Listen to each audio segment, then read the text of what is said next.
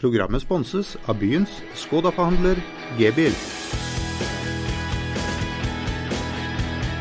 Ny uke, nye muligheter. Velkommen til en ny runde av fotballradioen. Eh, Jesper, du har tatt med deg en kompis i, i dag? Ja, vi har uh, fått med oss en kompis som helt tilfeldig traff uh, nede i Markens gate. Han kom vandrende med ei deilig skolebolle fra Dampen, pluss en Nei, ikke Dampen, jo da, fra Dampen. Han var inne hos Espen og fått med seg det, og i tillegg så hadde han med seg en Cola Zero. Før i tida drakk han cola altså vanlig cola med altfor mye sukker, men fikk beskjed av sin eh, fastlege på Vestlandet om at dette må du kutte. Du må begynne å drikke brus uten sukker. Det har han gjort. Denne mannen leda Idrettsgallaen i Arendal for et par dager siden sammen med meg. Det gikk uh, ganske greit. Ingen store skandaler, så vidt vi har uh, hørt. Denne mannen heter Davy Vatne. Han har vært litt innom før, ute på Flekkerøya, men nå er han inne i fotballradioens studio. Det er på tide. Hjertelig velkommen. Takk for det. Ja, forrige gang så hadde han fryktelig hastverk. Det var midt mellom uh, dømming av kamper ut på um, Sørcup. Ja da. Det, og, det, og, det, er jo årsaken til at jeg er her i det hele tatt. Det var jo som dommer jeg ble invitert ned her til det som den gangen het Colline Line Cup. Uh, Terje Markussen ringte meg under Jeg lurer på det må ha vært et eller annet prøve-VM. Vi hadde i hvert fall sendinger fra Oslo. og Jeg reiste ned her mellom semifinalen og finalen. Og bodde i en sjøbu og dømte. og og ble kjent med de folkene som så er blitt eh, Og da kjente ikke du Terje Markussen heller? som senere... Aldri, nei da, han bare tok en sjanse og spurte om jeg ville komme, og det syns jeg var kjempegøy. Sånt gjør jeg jo hele tiden. Og, og, så har jeg fått sans både for miljøet og for, for menneskene der ute. Så jeg er blitt veldig glad i dem, og jeg regner jo Terje Markussen som kanskje min, min aller beste venn. Det er uvanlig å å bli nær venn med noen som du treffer så seint i livet. Men uh, han har jeg stor respekt for og stor sans for. Vi ler masse sammen. Og vi har spennende faglige diskusjoner, faktisk. Hvor ofte er du her? Nei, jeg pleier å være her i, i om sommeren, som base om sommeren. Og så er jeg her når jeg har, uh, har friperioder og det skjer et eller annet her. Jeg syns jo ikke uh, Sørlandet og Kristiansand er veldig spennende året rundt. Jeg syns jo det er stor forskjell på sommeren og, og romjulen. Men Har du behov for at det skjer noe i, livet ditt når du har fri fra Nei, jeg er jo hjemme først og fremst for å, å, sette garn og trekke teiner og holde på for meg sjøl, for å lade batterier. For det skjer såpass mye når jeg ikke er her at uh, jeg trenger å hvile. Så jeg er mest for meg sjøl. Jeg er veldig lite på fiskebryggen og veldig lite på sommer på torvet. Kanskje én eller to ganger i løpet av sommeren. Og så er jeg stort sett ute i båt alene. For de kan jo, altså Folk på Flekkerøy, innflytterne der, kan ingenting om båt og fiske og den typen fritidsaktiviteter, som jeg elsker, og som jeg bruker som avkobling og oppladning. Så jeg gjør det alene. Å sette garn alene er jo risikosport, men uh, det gjør jeg heller enn å ha med brødrene Kjetil og Terje Markussen, for det er kamikaze-opptredener. Altså. Åssen har hummerfisket gått? Nei, Nå har de fått en og en halv, sier de. Altså, øh, og nå har de funnet ut at de skal skifte ut sa, for de mener at øh, bedervede sa, det der som de har saltet og latt råtne siden i sommer, det er ikke bra. Nå skal de begynne å fiske bærgylt. Og jeg er jo den eneste som får over 100 bærgylt hver gang jeg setter garn. Så nå skal jeg sette garn, og så skal jeg øh, mate inn bergede tegnene for å se om det går bedre. Men de, de, kan jo ingenting om hvor De vet jo ikke om at, at hummeren lever i en steinur, og at du kan se på, på uren om hummeren er der pga. sand og rester av mat. Altså, det der er jo et, et fag. Men de kan ingenting. De kan ingenting om, om, å, om, å, håndtere båt, de kan ingenting om å håndtere garn og teiner. Så jeg må lære de alt fra grunnen av hver gang jeg er her. Du har jo vært med Terje, på et par båtturer også, hvor han uh, har også hatt med seg spillere fra Whiteboss som ikke har gått helt etter planen. Altså, Terje, du snakker av og til, har jeg hørt på disse programmene her, om uh, stakkars Ali Fuente som var uheldig uh, på Fiskebryggen én gang. Terje Markussen har sånne uhell hele tiden. Og da han skulle briljere for importspillerne fra Nederland og, og Sveits, så endte det altså opp med at de måtte ringe til en dykker som måtte komme ut, ut i den ytterste delen av skjærgården og fjerne tau fra propellen. Så de kan ingenting! Og når vi kjører forbi Fiskebryggen og skal kjøpe en softis, og det er andre båter der, så bare kjører vi forbi. Nei, han liker ikke is, sier han nå. Og så, Han tør ikke legge til hvis han må manøvrere mellom andre båter. Han kan bare slå av motoren og så sige inn til kaien. Han slår av motoren midtfjords, og så seiler vi inn. så det er veldig Men Vipers, det har han fått til? Det har han skapt noe? Ja, fordi han holder seg unna det sportslige. For, for de sportslige tingene må, må, må uh, Kenneth og jeg ta oss av. og stake ut kurs og foreta de taktiske disposisjonene. Markussen han eh, bare observerer det, og så er han kreativ. Skaper entusiasme, får med næringslivet, får med vennene sine, fyller tribunene og gjør eh, Akvarama til en arena for gode idrettsopplevelser. Og Det syns jeg Kristiansand fortjener, sånn som de har stelt seg på, på fotballsiden. Mm. Han prøvde vel eh, noe lignende med Fløy, men det vanskelig å ta, vanskeligere kanskje å ta det steget i fotball enn i i håndball, selv når du har et lag her som allerede er nummer én. Konkurransen er nok eh, tøffere, men så var ikke Fløy veldig langt unna heller. Det var jo denne kampen mot uh, Haugesund på Øya, som vi alle de husker. De leda 1-0 lenge der, og, og, hadde de gått opp og Haugesund blitt, så er det ingen som vet hvordan det hadde vært eh, stilt. Da hadde iallfall Terje sannsynligvis vært lenger i Fløy enn det han endte opp med å bli. Jeg snakka med Dave i går etter at Våg, eller Vipers slo ut Byåsen i cupen, og, Markussen måtte gi seg midt i første gang, for han var for nervøs. Så Markussen kommer til å dø på en idrettsarena. Enten at hjertet streiker i en håndballhall, eller at han er tilbake i fotballen en gang og at hjertet, start, hjertet stopper der. For han er ekstremt engasjert, flink til å virvle opp, lage liv, få med seg folk, skape engasjement. Og det han har eh, skapt i Vipers eh, nå, det er ikke bare hans eh, fortjeneste, men det er veldig Nei, mye Terjes fortjeneste. Ja, han har vært en, en, en, inspirator og en fyr som har fått andre til å, å løfte seg og, og Det hadde aldri skjedd uten Terje. Nei, det og, og, det samme var jo med Fløy. Altså, han var en nødvendig forutsetning for suksessen i Fløy, men han var ikke hele suksessen alene. Paul Rikardsen og mange andre bidragsytere var med der. Men han har en evne til å skape entusiasme og begeistring og, og, tro på at det er mulig å gjennomføre det umulige. Men eh, jeg har prøvd å si at du, det å være, leve i idrett er både å akseptere nederlag og seire, det å glede seg over triumfer, men også unne andre suksess. Men han er han er en virkelig dårlig taper. så Hvis, hvis ungene slår han i yatzy, så får de ikke lov å gå og legge seg. Da må de ta en ny runde, så han kan få revansj. Det gjelder ludo, og det gjelder krokket på plenen. Alt mulig må han vinne i. Altså, han har en besettelse på det der.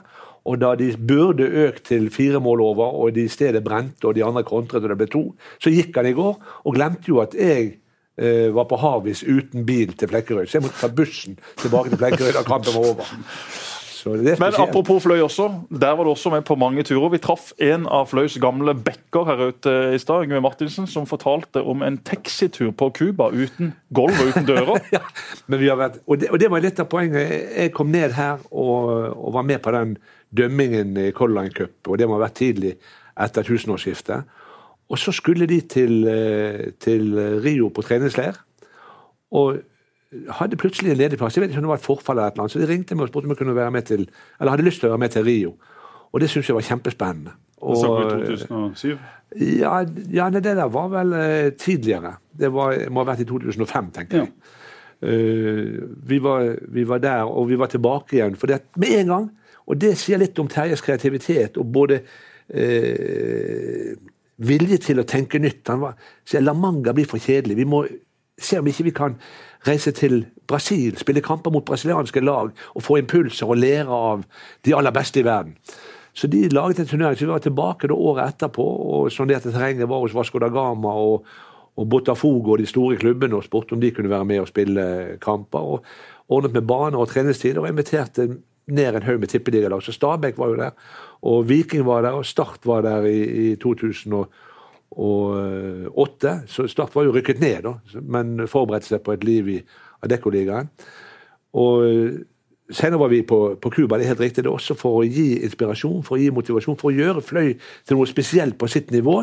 Og Det tror jeg har trigget noen til å begynne der, og noen som har syntes det har vært spennende og skjønt at Fløy er noe annerledes enn et vanlig andredivisjonslag. Jeg ser det stor forskjell på Fløy og trøkket der, og tilbudet til spillere der, det er i Fana og Fyllingsdalen og klubbene rundt meg i, i, i, Bergen, som lever så til de grader i, i skyggen av Brann og ikke oppe og vaker. Så vi dro til Cuba, og det var veldig spesielt. Det var jo nærmest som en sånn tidsreise tilbake til til 50-tallet. Det minner meg om sånne 50-tallsfilmer, amerikanske. Med også bilene fra bilparken fra, fra 50-tallets USA. Og vi var på en uh, altså, Det var jo mest trening og veldig hardt, uh, målrettet fysisk arbeid. Men vi tok enkelte uh, litt roligere kvelder ute. Og da havnet vi i en sånn taxi som var som ikke hadde, Han ville ikke bestått en EU-kontroll, for det sånn. Det var verken dører eller gulv. Så vi satt jo, og, og så jo ned i veibanen. altså Vi satt med beina på sånne bjelker liksom, og kikket ned og så asfalten under oss. Og måtte holde i, i det som var igjen av døren. Det var ikke noen sånn låsemekanisme. Altså. Så vi satt og holdt sånn Lars Martin Engedal og, og gjengen. Så vi hadde det veldig koselig. veldig Sammensveiset på en veldig fin måte.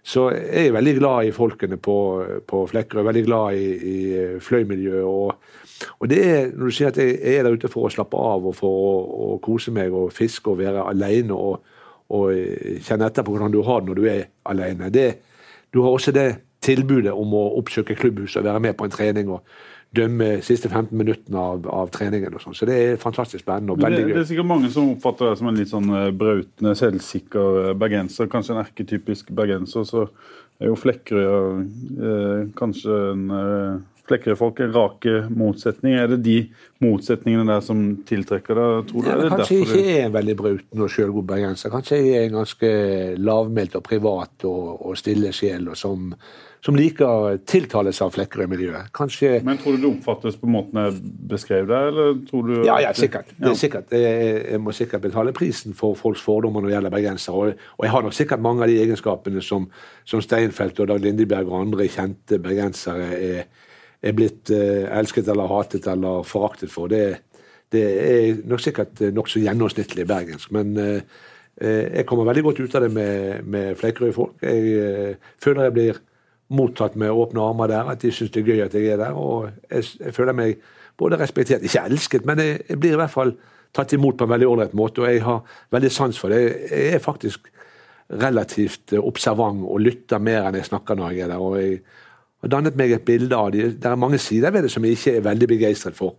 Uh, men det, det, det har, pietisme, kristen, ja, ja, ting, ja det, er, det er noe med, med baksnakking og misunnelse og dobbeltmoral og dobbeltkommunikasjon som er veldig fjern fra bergensere. Vi er veldig ærlige og direkte, og jeg syns det skaper trygghet. Det å vite eksakt hvordan folk eh, ser på deg, og hvordan de de oppfatter det. Det syns jeg er ok. Jeg, jeg, jeg, liker ikke sånn at du må gå rundt og gjette hva var det egentlig han mente. Men der har dere sørlendinger i sin alminnelighet et eh, problem med, med det jeg kaller skværhet. Det er et eller annet dere, dere, sier en ting, og så tror vi det er i orden. Og så er det ikke det. For det var ikke helt det dere mente. Og Der føler dere noe å lære av bergensere. at selv om en, Jeg vil mye heller at en fyr skjeller meg ut eller kaller meg en idiot eller er uenig med meg, dundrende uenig på alle områder enn å gi inntrykk av at han er enig, og så får jeg høre av omveier at han er fundamentalt uenig. Så, så Der syns jeg det er noe å lære. Men samtidig så har samfunnet veldig mange vakre sider. veldig mange skjønne sider. Det er en omsorg og et engasjement. Men det har Der er det der med å bry seg om naboen er positivt. Det å engasjere seg i lokalsamfunnet er positivt. Men så er det noe som vipper over i sladder og misunnelse og baksnakking og det å overvåke naboens datter som ser ut som hun er gravid og sånn. Der er det noe som jeg ikke syns er, er, er, veldig ok. Men uh, du må antagelig ta det sure med det søte, uansett i hvilket samfunn du befinner deg. Og jeg er veldig tiltalt av, av Flekkerøy-folk. Jeg liker respekten for havet. Jeg beundrer de for, eh, for eh, moralen når det gjelder hummerfiske, det er at de kaster hummeren ute igjen i juli. Jeg husker jeg var med første gang jeg fikk tre hummer i en teine. og, og så for meg pariserloff og, og sitronskiver og majones. Og der fløy de gjennom luften, for det skulle ut igjen. Det gjør det ikke på andre sida av Varebrua, der som Ole Martin holder til? Nei, altså, jeg tror, og når du da ser og Dette er jo også litt av den dobbeltheten. Dette var da eh, Charles Westberg og, og, og Oddfinn som, som lot de der gå ute igjen. Men når du ser hummerfisket begynner, og de legger ut begeistrede meldinger om at de har fått 13 hummere på første trekket, og 15 hummere, så skjønner du at de har fisket hele sommeren og latt de gå i en sanketeine. Og så henter de de opp for straks de blir lovlig. For du kan ikke få 15 eh, hummere første morgenen, morgen, og så én og to og tre resten av hummerperioden. Så det er et eller annet her som skurrer for meg. Men, eh, ja, det er jeg helt enig. Ja, Ole Martin han, han, han, er jo et eksempel på at han, han legger det ikke i sanketeiner engang. Ole Martin uh, har altså han har nordlendingenes brutalitet og total mangel på respekt for uh, fauna og flora og alt som er her sør. Sant? For dette her oppe har de ingenting. Det er nakent og bart, og det er bare torsk i havet. Så når han kommer her og fanger måker med wobbler, istedenfor å, å slippe de løs, eller i verste fall avlive de, så la han måken fly med 200 meter sene og en sluk i munnen. og Det er jo helt eh, grotesk. Vi må ha Ole Martin her til å forsvare seg en annen, en Har vi annen neste episode allerede? Det var Det vi, trengte. Vi har jo spurt han eh, noen ganger, men han er jo fryktelig opptatt. Jeg har begynt å jobbe med dette kunstgressgreiene. vet du. Legger kunstgress i hager og på baner. og Nå er han eh, og reiser jorda rundt. Han har jo nettopp eh, vært med på 71 grader nord. og Så var han i Thailand et par uker, og nå er han tilbake i Kristiansand. Så spørs om ikke vi skal få hanka inn Ole som kan svare på disse beskyldningene fra sin gode venn Vatne. det er ikke beskyldninger, dette er jo en Det er faktabeskrivelse. sant. Det er sant. Det er sant. Det er jo ikke, altså, Wobbleren lå der, og måken tok wobbleren, og istedenfor å sla, dra han inn og frigjøre han og slippe han løs, så kuttet til han. Haugesund stadion og Ja, Måkebergen. nå. Måkeberget har eh, lagt ham for hat. Ja. Med god grunn.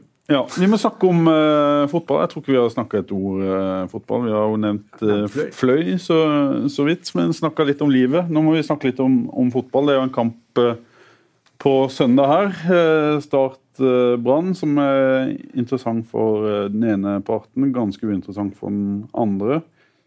Eh, hva tenker du om den, eh, Davy? Er det der Brann, eh, Branns sølv ryker? Er det her på Det kan godt skje. Eh, Start slo Brann sist da de rykket ned, og, og kan gjøre det igjen. Og Husk at Start var det eneste laget Brann ikke slo da de ble seriemestere i 2007. Det var det eneste laget de ikke beseiret. Og Start rykket ned etter å ha unngått tap både mot Brann og Stabæk, så var de to suverene lagene. Så, så Start har en god statistikk og klarer seg veldig greit mot Brann. I fjor, eller for to år siden da Brann rykket ned, så var jo eh, Start, Sarpsborg, Sandnes Ulf og Sogndal Branns fire siste hjemmekamper. og Brann gikk hele sommeren og sa vi har i hvert fall tolv poeng der. Og Start var da med Robert Hauge i Bergen og vant en kamp som ikke betydde er plassen i, i Bergen. ja, altså de, de, hadde, ikke, hadde ikke Ja, de, de var relativt trygge, de. Så, så, så Men Brann og Start har alltid en spesiell relasjon. Alltid i, i mer enn 40 år så har det betydd noe spesielt. De har hatt veldig vennskapelige forbindelser. Bergensere er veldig glad i Du fremstiller meg som en brauten og ufordragelig fyr, og det syns jeg er helt ok. Men vi ser på sørlendingene som veldig skjønne mennesker. Vi Bergensere har alltid hatt en dragning mot sol og sjø og sørlandsk eh, mildhet. Vi, vi elsker det tålmodige, det, det overbærende, det tolerante, det tilbakelente. Og vi syns det er kjempegøy med det der med at de leder serien til makrellen kommer, eller de begynner å spille fotball når makrellen kommer. Men i hvert fall så ligger de på Svabergen og soler seg og mister masse poeng i fellesferien. Men Hvordan er din puls på, eh, på søndag når Brann eh, spiller en eh, ja, Du kan jo kalle det en, en viktig kamp, selv om sølv eh, For oss er det viktig. Ja. Altså for, for Bergen og for Brann. Er det viktig for deg? med Obos-ligaen. Ja, nå har jeg sett Brann ta medalje ti ganger. Det høres jo helt utrolig ut, men jeg har altså i min korte levetid sett Brann ta gull tre ganger, og sølv fire ganger og bronse tre ganger. Og jeg har vært på Ullevål ved ti anledninger. Jeg vet ikke hvor mange ganger Sart har vært på det, men Eh, jeg har vært, altså Brann har spilt ti finaler og vunnet fire av dem i min levetid. Så, så eh, det er ikke sånn at, eh, og I motsetning til Terje Markussen så tåler jeg nederlag. Jeg tåler til og med at Brann taper for et lag som ikke har noe å spille for. Men det syns jeg Start har. Start er i ferd med å berede grunnen for Obos-liga, eller eh, hva det måtte hete, i, i 2017. Men er du overraska at de, etter å ha hatt en rekke uten seier, at de plutselig får et par seier og begynner Nei, å det er ikke så unaturlig. Det er ikke så uvanlig. Når det er straks det er definitivt, og det ikke er, finnes noe redning for dem, så forsvinner stresset. Så forsvinner eh, du si, presset på, på dem, og nå må vi vinne. Og så blir det vekke. Og jeg tror det forløser noe enormt av, av iboende kapasitet og krefter og kreativitet. At de på en måte fikk en seier og slapp å gå med denne her eh, hjelmen eller eh, denne som skrur inn hjernen din dagene siden forrige seier. 4. juli 2015 sant? Med, med Stabæk og, og amerikanske nasjonaldagen. og alt det der. Er Så mange kamper siden, så mange dager siden.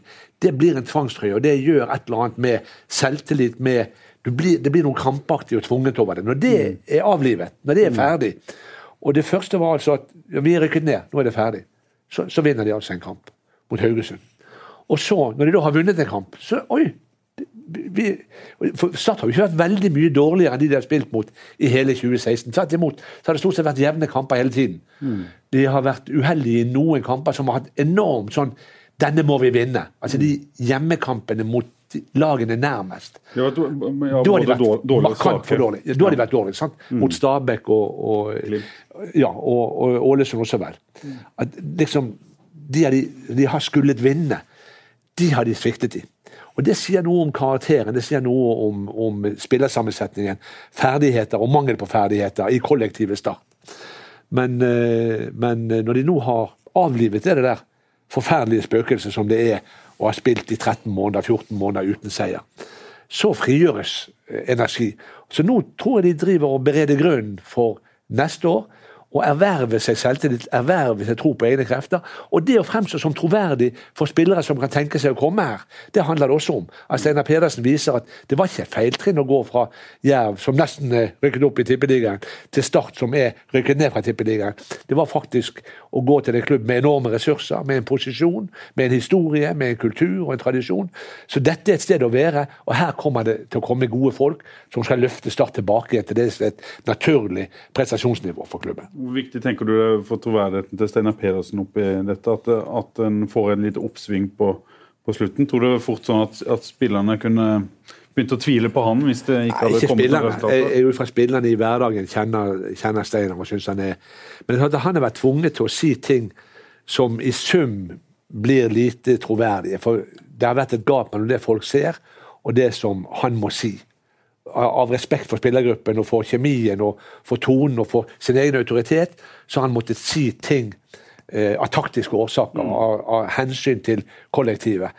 Og han har jo sikkert sett det samme som du og jeg, at dette har vært for dårlig. Det har vært for dårlig i egen 16-meter, og det har vært for dårlig foran motstanders mål. Så eh, totalt sett så, så eh, syns jeg Steinar Pedersen fremstår som en seriøs og troverdig leder, og jeg er ikke i tvil om at han kan løfte de mot uh, gamle høyder. Men det er viktig for de å avslutte denne sesongen på en anstendig måte, sånn at de på en måte fremstår som uh, den ledende klubben på Sørlandet før en sesong der det eventuelt blir seks lokaloppgjør. Mm. Det er ikke usannsynlig at det blir seks lokaloppgjør, selv om Jerv fortsatt kan rekke opp. Og det, altså Dere husker uh, Mandagskameratene og de tre oppgjørene i 2003. Det tror jeg rir Start som en mare. Mm. Selv om de tok revansje vel det året de de rykka opp med seier i parken foran en Ja da, men de tre tapene på én og samme sesong, det kommer, det, de husker, det kommer vi aldri til å glemme. Det, jeg var sjøl på denne kampen i idrettsparken også, da, da Start uh, virkelig tok uh, hegemoni eller initiativet tilbake. Men det er jo de tre kampene jeg husker. Hestad med to mål. Ja, jeg husker sjøl jeg satt med pappa på tribunen på Kristiansand stadion da MK rundspilte Start, og han gikk for første gang mens jeg var med på kamp en halvtime før slutt. Ja. Dette gadd han ikke. Han sa når vi gikk ut, dette var sånne lag jeg spiste til frokost da vi spilte. Nå ble vi rundspilt av en gjeng med grønne soldater fra Mandal. Det var en eventyrlig stemning. De kom med disse båtene fra Mandal, det kom busser, det kom biler. og la oss, la oss håpe det samme skjer neste år at det blir eh, like mye trøkk, like mye spenning rundt disse oppgjørene. Arendal, Jerv og Start. Det enda vondere å tape for Er, er Jerv kanskje det verste laget å, å tape for nå? Jeg, jeg, har et inntrykk av at uh, forholdet mellom byene Arendal og Kristiansand er jo ikke godt. Men når det gjelder fotballklubbene, så er det langt bedre forhold mellom Arendal og Start enn Start og Jerv. Ja, altså det får være dine ord. Jeg har eh, et veldig godt forhold til, til Jerv som klubb og de spillerne som er der. Men du vet jo det at uh, de snakker godt sammen på i hvert fall klubbnivå, eh, de to Nei, det har klart det har vært noen ting, men det er jo ikke unaturlig det når Start uh, henter tilbake en Steinar Pedersen. og Så er det også noen spillere som har gått den veien. Det er klart at uh, Jerv kjente jo virkelig i fjor at nå kunne de ta Start, men de feila da det gjaldt som mest. Og de feila også i årets sesong da det gjaldt som mest, hjemme mot Bryne. Hadde de vunnet den, så tror jeg Jerv faktisk hadde rykka opp. Da tror jeg disse lagene foran der virkelig hadde begynt å skjelve i buksa. Men nå ble det ikke sånn. Nå skal de ut i en knalltøff kvalik. De er det laget som kommer til å ha fordeler hjemmebane, både i den første kampen og i den andre kampen, hvis de skulle vinne den første. Og det er en kjempefordel. Jerv er veldig gode på Levermyr.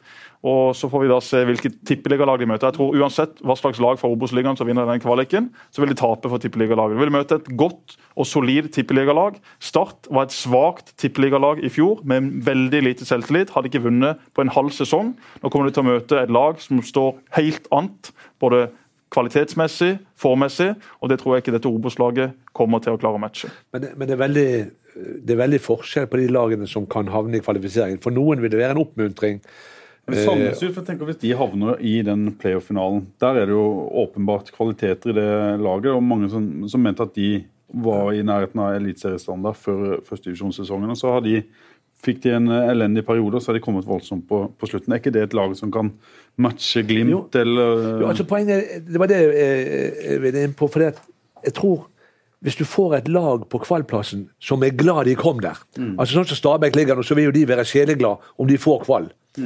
Men eh, hvis det blir et av de lagene som har følt seg trygge altså Bodø-Glimt og Tromsø har jo ligget såpass, såpass bra til at de, dette med nedrykk er kommet deisende i trynet på de nå på slutten, etter at de andre begynte å vinne så mye. For ikke å snakke om, om Vålerenga og Lillestrøm. Altså det- vil være, Jeg husker veldig godt det der kvallåret til, eh, til Lillestrøm, der de faktisk ble, fikk dommerhjelp hjemme mot Bryne og nesten rykket ned. Og hvordan Tom Lund og Ivar Hoff satt og hulket i garderoben av lettelse etterpå. For, for Lillestrøm, som har vært i Tippeligaen siden før dere var født, så vil det være et sjokk å måtte spille kvalifisering. De vil være mentalt sårbare. Det er jeg helt overbevist om. Så jeg er ikke sikker på at tippeligalaget at det, at det er en, en, en størrelse du bare kan si at tippeligalaget vil alltid slå Jerv. Jeg tror ikke, Det kommer litt an på hvilket lag det tippeligalaget blir. Hvis Et du lag som eh, Lillestrøm på Åråsen på, på søndag, jeg var jo på Åråsen, og der så jeg for første gang i år et, et eh, lag som hadde arva Start sine problemer fra, fra tidligere år, med høye skuldre og eh, som ikke turte rett og slett å, å spille fotball. De sa til Start Og de kom fra seier i Bergen. ta initiativet. Ja, de, de, de hadde vunnet i Bergen. Det eneste laget som har vunnet i Bergen, og de skåret like mange mål alene som alle andre lag som har vært i Bergen på 13 kamper. Og så klarer de å surre seg vekk mot Start, som dere sier, ikke har noe å spille for. Det er et uh, symptom på at ting ikke er på stell i det hele tatt. Den mannen her, Ja, hvordan ble du kjent med han? Det må jo ha da vært eh, gjennom eh, pappa. Det første minnet jeg har med Davy, var under EM i Belgia og Nederland i år 2000. Det Da, er det første minnet. Ja, Som jeg kan huske. altså Som virkelig har brent seg fast. og Det er jo fordi at eh, jeg har aldri i mitt liv, verken før eller siden, sittet på med en sjåfør som holdt på på det viset. Det var kjøring på rødt lys i motsatt felt, eh, snakking med politiet, for han hadde en eller annen sending vi skulle rekke. Det var meg. Det var Davy og Mini i framsetet, og så var det meg og pappa i baksetet. Og Vi hadde reist ned med en buss fra Gimlekollen eh, for å se på eh, Norge mot Spania. Vi kjørte buss da nedover et par dager, så Norge slo Spania. Det var topp stemning, og så var jeg igjen et par dager med pappa på jobb. Og da var jo Davy selvfølgelig eh, denne lederstjerna av dette TV 2-teamet der nede. Og da husker jeg denne bilturen. Mitt første minne husker jeg enda. Vi kom, kom et lyskryss, og vi vrengte bilen over i motsatt felt. og Der var det en politimann, og han bare vinka Davy til og kjørte av gårde. Og alt ordna seg. Alt gikk greit, men det var det første minnet mitt. Jeg satt og lo som jeg aldri har gjort før i baksetet. For dette syns jo jeg var veldig kult og veldig gøy. Og Da var du 12? Ja, 12-13 år. 12-13 år. Husker du han eh, som eh, Ja, jeg husker jo guttunge? jeg David? husker Jesper mye tidligere enn det. Altså, jeg, fordi at uh, Matta har jo jeg kjent i, i, eh, i 40 år. Sant? Jeg har jo kjent Matta siden Start dukket opp. Jeg var jo dommer på 70-tallet og var linjemann på, på kampene i, i toppdivisjonen. Møtte de stadig vekk. Var linjemann i kvartfinalen i Sogndal. Er du en av de få som har sett Jesper spille fotball også i ung Ja, alder, eller? ja så og, jeg, og jeg husker jo at jeg var her da Og det var jo før 2000. Da jeg var, jeg var på en kamp mellom Start og, og Ålesund. Og jeg hadde kjørt min datter til Kjevik, så jeg kom litt ut i kampen. Og det var Erling Ytterland som ga Ålesund 1-0. Erling Ytterland hadde med verdens tynneste bein. Har han gitt i- For da, da manglet det bare håp og Start på kupongen. Og så kom jeg inn, og der var eh, Svein, og der var du. Og du trikset med en ball borte på banen mellom der, Vi satt liksom på den, ikke hovedtribunen, men på motsatt side i solen der. Så var det en treningsbane til høyre der, liksom bort mot den der hallen. Der holdt du på å trikse. Og, holdt på. da, da, da så vi jo John Arne Riise for, for første gang, og han ble solgt til Monaco rett etterpå. Så, så øh, jeg har jo oppdaget Jesper før Jesper oppdaget meg, og tydeligvis, og, og sett han som ung gutt med og husker de slattersproblemene og, og knærne dine, og du vokste plutselig så veldig mye. Så jeg har jo egentlig hatt kontroll på deg siden Nancy ble gravid, egentlig. Så, så Svein har jeg kjent og vært både venn og, og kollega med i veldig, veldig lang tid. Så, så øh, øh, det er selvfølgelig et kjempetomrom i, i Jespers liv, men det er også det i mitt liv. En, en mann som har vært både venn og, og fotballspiller da jeg var dommer, og kollega i så mange år. Vi jobbet jo med Veiens Tidende og Fevennen i sin tid. Vi var sammen om en god del eh, arrangementer. Byttet stoff osv. Så, videre. så Så Svein har jeg et livslangt, eller i hvert fall en menneskealders eh, relasjon til. Mm, Og, nå- og så har du hatt en relasjon til han nå, som jo har kommet inn Ja, inn Jesper har jo i dukket TV 2. opp i, i TV 2. Ikke vet jeg hvem som har ansatt han, men eh, han har nå kommet reken inn her. Og så får vi se om, hvor lenge han blir værende. Jeg, jeg, Jesper er en spesiell karakter, en spesiell personlighet, en spesiell uh, skikkelse i mitt liv. Jeg er en veldig privat og veldig ja, ikke innesluttet, men jeg er privat. Det, det er veldig få jeg slipper inn på meg. og veldig få, uh, Men jeg tror Jesper er en av de som kjenner meg best. Og det er den tryggheten som, som du får når du føler du kjenner noen og kan stole på noen. Den har vi, og det, det er rart, for vi tilhører jo hver vår generasjon. Men kanskje var det at faren gikk bort, med på å befordre noe i vår relasjon. Kanskje forbinder Jesper noe av det faren sto for, med det jeg er. Så han kjenner igjen noe. Så må det være kjekt for han å høre om hvordan faren var. Og hvordan, ja, jeg, men jeg har, litt av det, jeg har opplevd litt av det samme med Sondre Jensen, sønnen til Kniksen. Mm. Kniksen var jo bare 44 da han døde. Mm. Men far, Sondre syns det er veldig ok å høre om hvordan faren egentlig var. Hvor god var han? Mm. Og, og, ting han sa og gjorde da han var fotballspiller. Og det, Sånn er jo det. Det er helt uh, grunnleggende i vår eksistens. Det å, å kjenne våre fedre og det å bli eldstemann i flokken, det er spesielt. Det gjør noe med et menneske. Også, også, Jesper vil merke at han nå er Der bestefaren døde ganske kort tid eh, før, og, og, og, Svein. Så det er Når du blir eldste mann, det, det gjør noe med deg. Det har jeg opplevd sjøl. Min far døde i 2010, eh, et, et, et knapt år før Matta døde. Og jeg mistet Henrik Færvåg, som jeg hadde et 40 års langt forhold til. Og Bjarne Berg, akkurat det samme. Skolekamerat som jeg hadde vært kollega med. Så på det året fra min far døde i februar 2010 til Matta døde i januar, og jeg fikk tekstmelding fra, fra Jesper noen minutter etter at faren sovnet inn mm. det, var, det var uh, ti måneder av mitt liv der fire bautaer, fire mennesker som har betydd enormt for meg, plutselig var vekk. Og det, det gjør noe med meg. Og så gjorde det selvfølgelig noe med Jesper, og så kommer Jesper inn, og så er han en fyr som du umiddelbart får enorm respekt for. For hans både kunnskap, hans faglige ballast, hans ærlighet, hans væremåte. Og så er han jo en forbløffende uh, trygg og voksen og rolig og reflektert og behagelig fyr. Han er det beste av det sørlandske når det gjelder mentalitet og, og lynne. Så det er jo en altså, hvis Jesper hadde sagt jeg skal til Bergen, så hadde jeg gitt han bilnøkler og husnøkler og, og kone og barn. altså, jeg stoler helt uh, ubetinget på, på, og reservasjonsløst på, på, Jesper og alt han er og alt han står for. Det er en fin tale.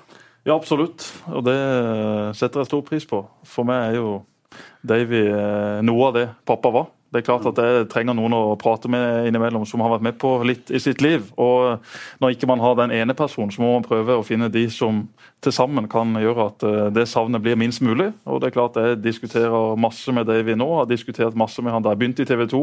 Spurte jeg dette noe for meg, osv. Ja, selvfølgelig er det det. Og den tryggheten det var at han var der, at han var i studio de første gangene jeg var med, det har selvfølgelig betydd veldig mye for meg. og jeg hadde jo, Det er jo ingen jeg har det gøyere på jobb med enn jeg har det med Davy. Vi har eh, noen minner eh, fra i år, fra i fjor, som kommer til å sitte igjen for resten av mitt liv. Så jeg er utrolig takknemlig for at jeg har Davy som en kollega, men ikke minst som en veldig god venn. Og eh, en slags mentor innenfor den eh, bransjen vi er i nå. Det er klart at det, det finnes ikke noen bedre i mine øyne til å lære meg opp enn det Davy kan gjøre. Så... Du har jo sagt at eh, du fortalte om den gangen dere hoppa i fallskjerm. Kanskje det villeste dere har opplevd sammen? Iallfall det fjerneste. Jeg, jeg, livet, består, livet består av masse trivialiteter. Hverdagslige ting som, er, som, har med plikter og nødvendighet å gjøre. Mm. Og så er det noen øyeblikk som du tar med deg videre. Og et av de øyeblikkene var da du satte deg ned i fotballstudio før sesongen i din fars stol. Det er for meg et, et øyeblikk som fryses i erindringen. Det, mm. det, det, står der. For jeg skjønte helt intuitivt hva det betydde for deg. Da var du der din far er. Der du hadde sittet hjemme og sett din far sitte. Det gjør noe med meg. Og det, det, er et øyeblikk som helt sikkert betydde noe for deg. For det det betydde for deg, formidlet du på en måte uten å si et ord. Du bare satt der og så tenkte jeg, OK. Dette er et, mm. dette er et generasjonsskifte. Kongen er død, kongen lever. Mm. på en måte. Det, det er et spesielt øyeblikk. Programmet blir sponset av byens Skoda-forhandler G-bil. Og det at vi eh, er verdens mest pysete og forsiktige fyr. Jeg gjør aldri noe dristig. Og da vi kjørte til, til Voss, så var det for å eh, lage noe innslag til Ekstremsportveko. Bare være der oppe og se på. Og så tok det en sånn Det var en sånn trinnvis forvandling til den komplette galskap. Og da vi satt i det, i det lille skrangleflyet, og den luken gikk til side, og det gikk opp for meg at det ikke var noen retrettmulighet. Det, det, var, det er sånn som Du har sett i film, krigsfilmer og andre steder, så har du sett sånne fly, sånne transportfly med, med fallskjermhoppere. Så du visste at det der er så fjernt fra alt jeg er og alt jeg står Jesper har beskrevet det som om du var sikker på at du skulle dø. det er satt, ja, altså jeg tenkte jo at uh, Til å begynne med så sier jeg Det, det avgjørende var Jesper sa det var farligere å kjøre bil opp her enn det å hoppe i fallskjerm. han. Statistisk sett. Så Hvis det er noen som kan dette med, med sannsynlighet, så er jo det gambleren Jesper. Han har regnet på prosenter og på risiko og på utsikt til gevinst. Men da vi, kom, da vi fløy oppover der i sånne sirkler, og det ble høyere og høyere, og husene og, og de der, de der plastikkballene med halm og høy ble mindre og mindre. Og du kom over der det var snø på fjellene, og du så Sognefjorden. Så tenkte jeg jeg må komme meg ned igjen her på en eller annen måte. Så jeg spurte han som jeg skulle hoppe med, er det noen mulighet for å bare lande og så snike oss vekk fra flykroppen uten at noen ser det. Og da var Jesper helt rolig. Og det hjalp litt på meg. Og så, så sier han Hvordan går det, sier han eh, Haugård, han heter mannen til Kari Traa. Lars Haugom. Lars ja. Kristiansand. Ja. Ja. Så sier han hvordan går det? Så sier han nei, dette går dårlig, så jeg har fullstendig panikk og er i ferd med å gå i oppløsning innvendig. Og hvis ikke, eh, hvis ikke hjertet sprenges, så gjør lungene eller nyrene eller et eller annet organ kommer til å eksplodere seg før jeg kommer meg ut, av den luken. Og så sa han tenk tid, sa han. Tenk på tid. Om syv minutter er vi nede. Da hadde de akkurat sagt at det var to minutter jeg skulle hoppe. Om syv minutter er vi nede. Uansett hva som skjer, sa han. Om syv minutter er. Tenkte jeg, ok, Det verste som kan si, er at jeg ligger smadret i bakken om syv minutter. Helt knust. Og da, da vil døtrene mine savne meg, og så jeg vil ikke kjenne noe. Men så begynte Jesper å skrike helt, helt ukontrollert og slå seg i ansiktet. Sånn som mennesker som skal inn på cupfinale eller opp i en boksering. Og brøle og, og klaske seg i ansiktet. Og da hadde han vært helt rolig hele tiden. ok, der mistet han det. Og det er et eller annet som gjør Når andre mister det, så får du ro sjøl. Da, da blir du Tenkte, I all verden yes, Jesper, hva har skjedd med deg? Nå har du vært iskald hele tiden. og sagt, Dette går fint. Slapp av, vi er trygge hender. Og så satt han og slo seg i ansiktet og skrek som en besatt. Og så akte han seg bort, og vekk var han. Så akte jeg meg bort, og dette er så Jesper etter der. Men Jesper var en prikk, han var nesten kommet ned til bakken. Og så det der, og, sitt, og satt jo liksom, Vi satt jo halvveis utfor flykroppen. For, det- for det vi hang jo, vi. Ja, vi hang jo. Var jo vi hoppa sammen med, satt bak og holdt, holdt til og, sin og denne scene. følelsen av når, når hele altså, kjøttet i ansiktet ble skranglet og ristet og holdt på å seile av skjelettet.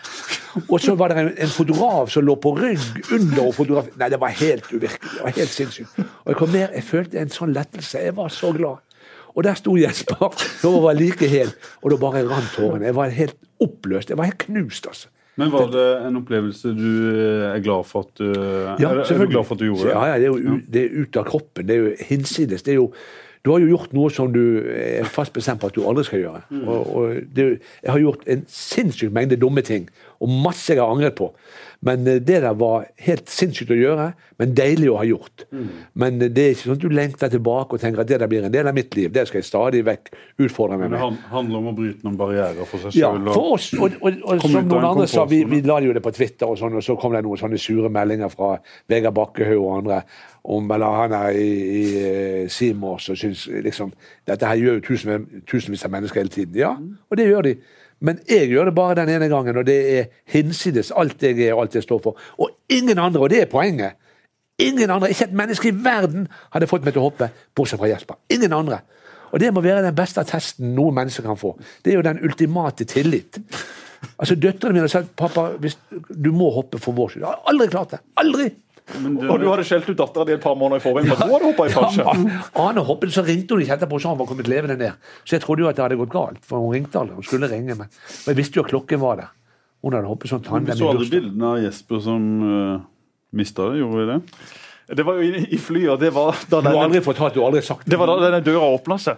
Ikke ja, sant? Det stemmer. at- Ja, ja, altså, jeg, altså, jeg måtte jo gire meg opp på et eller annet. Jeg hadde vært så kul og rolig. Og, og, for jeg hadde tenkt at må, Det eneste oppgaven din nå, det er å ta det her Davy. Vi hopper inn i et fly som sannsynligvis hadde 30-40 sjanse bare for å gå rett i bakken. For dette var et fly som var hundrevis av år. Det var en blikkboks med en liten propell i front. Ja. Og når vi kom opp der på 10 11 12 000 fot, og jeg så at folk begynte å hoppe, og da jeg til slutt satt og hang det, jeg, var, jeg, var, i hendene til en, en, fra Finland.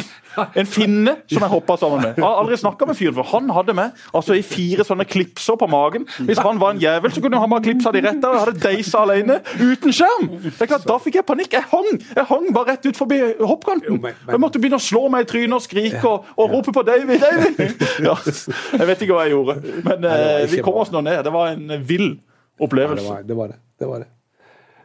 Og den har noen dimensjoner som ikke nødvendigvis altså du kan si, ja, men Det der gjør jo folk hele tiden. Men for oss så var det spesielt. Det var det, og det ble dokumentert. Så vi har eh, videoer og bilder av dette som vi kommer til å se på til den dagen vi ligger eh, et par fot under bakken. Du, uh, han, Er han ferdig på fotballbanen, tror du, Davy? Det har han vel vært, vært lenge. Men det der har jo med med arbeidsavtaler og med sykmelding og med Nav og alt mulig annet. Så det, det er jo ikke, jeg er ikke lege. Men eh, på meg virker det jo som om, eh, som om han har fått en, en, en, annen måte å holde seg i altså Hvis du er bitt av denne basillen, hvis du har denne diagnosen og er så betatt av fotball som vi er, og så opptatt av fotballens mange fantastiske sider, og du får det tilbudet, og du vet at dette kan jeg holde på med til jeg er 67 mm ser ut for at han griper den anledningen med begge hender og, og, og sørger for å forvalte den gaven det er å være utstyrt med. Og det, det, det handler om Da tenker du på snakketøy og, ja, og, og TV-mediene? Ja, det, og det har om med at han er sønn av en journalist og fotballspiller. Han har fått noe i, i, i dåpsgave som ikke alle får.